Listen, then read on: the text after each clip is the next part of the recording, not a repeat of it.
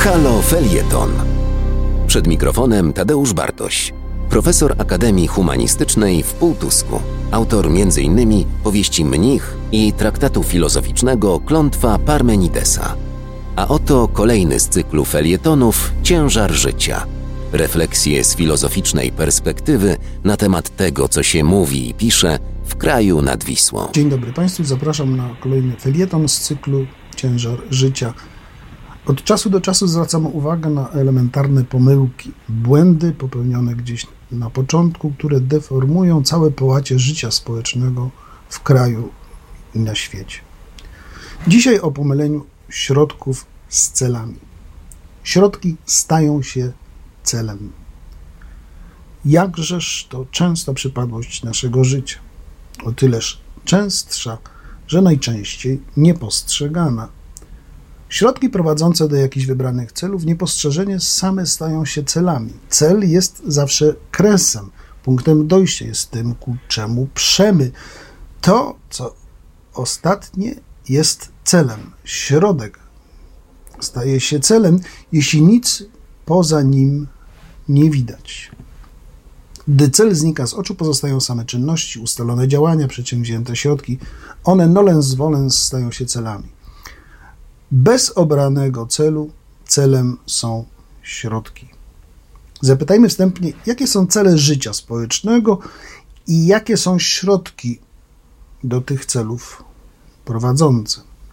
To oczywiście uniwersum spraw. Każdy najdrobniejszy fragment życia publicznego nieustannie narażony jest na pomylenie środków i celów. Cel, by był celem, musi być dosyć ogólny, dopiero wtedy można myśleć, jak do niego dążyć. Niektórzy nawet z tą ogólnością przesadzają. Mówi się na przykład, że celem życia ludzkiego jest prawda, dobro i piękno. Zbyt, daleka posu po, zbyt daleko posunięta ogólność prowadzi do niejasności, małej konkretności celu i łatwo staje się deklaratywna. Taki już jestem, taki mam urok, że tylko prawda, dobro i piękno mam w głowie. Łatwo wkrada się udawanie, deklaratywność własnej szlachetności, czyli pospolite ludzkie wady. A jednak pewna ogólność jest potrzebna, żeby cel był celem, choćby sprawiedliwość społeczna. Piękna rzecz, ale czym jest? Jakie środki prowadzą do niej? Co przed się wziąć?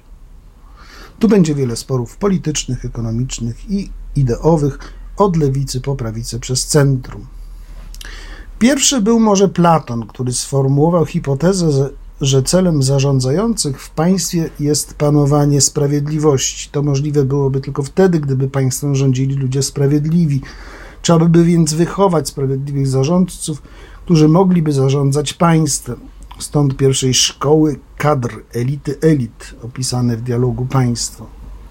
Arystoteles w traktacie Polityka kontynuował na swój sposób zaproponowaną przez Platona refleksję.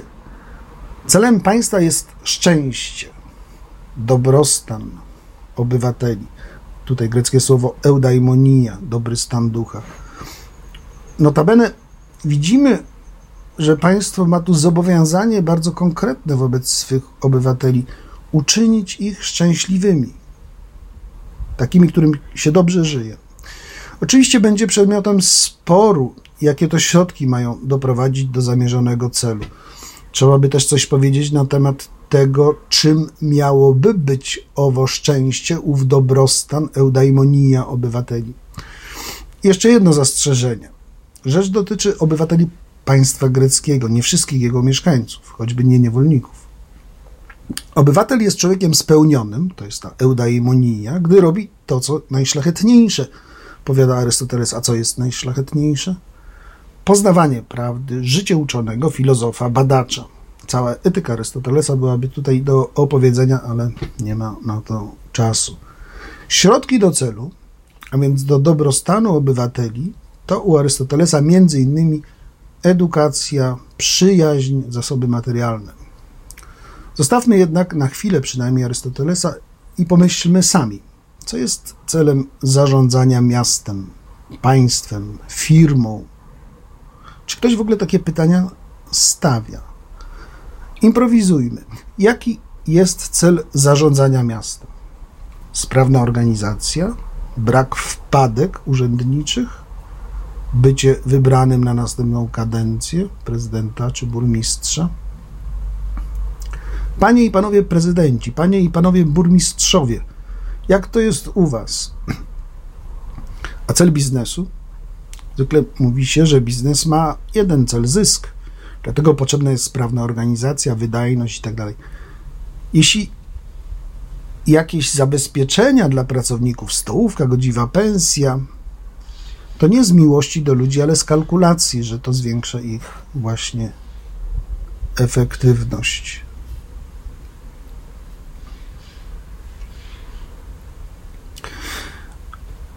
A więc opłacalna inwestycja. A jakbyśmy za Arystotelesem powiedzieli, że celem działania firmy jest szczęście, dobrostan pracowników? Czy nie podnoszą się kąciki ust słuchaczy na taką myśl w ironicznym uśmiechu? No ale spróbujmy hipotetycznie oczywiście inaczej pomyśleć o zysku w kapitalizmie. Tak jakby nie on był ostatecznym celem działania przedsiębiorstwa. Udany biznes to pewien sposób życia biznesmena, także rodzaj ludzkiej kreatywności, między innymi tworzenie nowych sytuacji, nowych produktów, czegoś, czego wcześniej nie było, a więc postawa twórcza, ekspansja, rywalizacja, którą niektórzy uwielbiają. Może więc celem prowadzenia biznesu jest robić to, co się lubi, spełniać się w pracy. Może celem pracy jest nie zysk, dochód, możliwość utrzymania się, ale przyjemność, rozwój talentów, osobisty rozwój, stawanie przed wyzwaniami, albo przynajmniej dający komfort psychiczny, życie towarzyskie w zakładzie pracy. Sam zysk to zbyt mało. Tym bardziej zysk nie może być głównym celem organizacji miasta czy państwa. Ale więc w takim razie co? Co jest celem funkcjonowania miasta? Przywołać można wspomnianego już tutaj Platona i Arystotelesa, ale może jakieś inne idee dałoby się wydobyć. Jest jeszcze jedna rzecz, która z powodów zawodowych przykuwa moją uwagę. Reformy szkolnictwa wyższego prowadzone w Polsce od kilkunastu lat. Jaki jest cel uniwersytetu? To, na to pytanie nie funkcjonuje. To pytanie nie funkcjonuje w opowieściach o reformie uczelni. Tam raczej liczy się, przelicza, wykazuje ilością produkcji. Kto lepszy? Rywalizacja, bycie pierwszym, najlepszym albo w czołówce. Tak jakby uczelnia była klubem sportowym. Jednak o celach uniwersytetu nie rozmawia się pośród reformatorów szkolnictwa wyższego. To dla nich podejście zbyt ogólne, niepraktyczne, nieprzeliczalne. Ani bibliometria, ani ekonometria nie mają tego słowa w, w swoim słowniku. Zamiast uogólnionych idei, celów uniwersalnych, swoistych idei regulatywnych, wprowadza się procedury.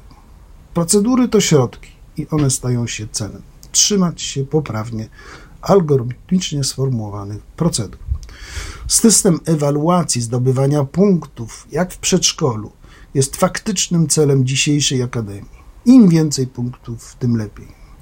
Całe młode pokolenie pracowników uczelni wyższych uznaje to już za naturalne, a ich celem jest zdobywanie punktów za publikację. I tylko to się liczy. Środek, metoda liczenia, klasyfikowania staje się celem. Nie można powiedzieć, że jakaś publikacja z socjologii jest nieużyteczna, powtarza banały oczywistości, skoro otrzymała 200 punktów w, w wykazie punktowym ministerstwa dla nieobznajomionych to bardzo dużo. A przełomowa publikacja pojawiająca się w piśmie za 20 punktów z automatu zostanie uznana za, za bezwartościową. Jakieś szaleństwo. Od miejsca publikacji zależy wartość publikacji. Od tego, gdzie się coś pojawiło, zależy wartość treści. I nie zauważa się zupełnie szkolnego błędu. Przecież dalej obowiązuje zasada logiczna, że wartość, logiczna zdania nie zależy od tego, kto je wygłasza. Wartość zdania nie zależy od tego, czy opublikował je Oxford, czy przysłowiowy Pcim. Tej zasady nie przestrzega się w całości organizacji szkolnictwa wyższego, a więc jest ono zbudowane na fałszywej podstawie, na fundamencie deformującym i demoralizującym pracowników nauki. Efekt jest zawsze ten sam.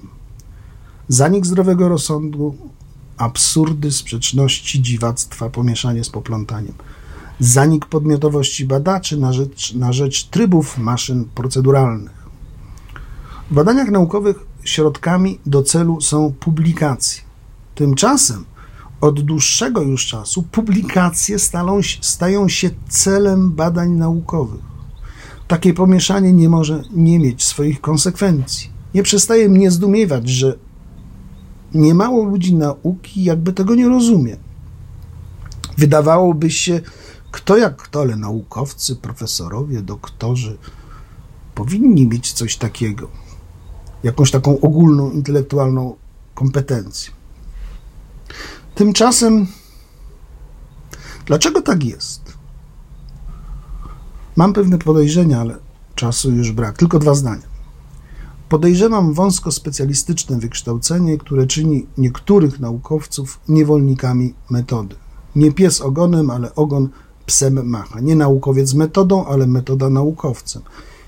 Wielość metod, metod, wielość perspektyw byłaby wyjściem z tej pułapki, ale do tego trzeba tak zwanego szerokiego, ogólnego wykształcenia. Francuzi mówią na to culture générale. Kiedyś uczyła tego filozofia, filologia klasyczna, dziś w zaniku. Dziękuję bardzo za uwagę. Do usłyszenia za tydzień. Wspieraj niezależne Halo Radio, które mówi wszystko.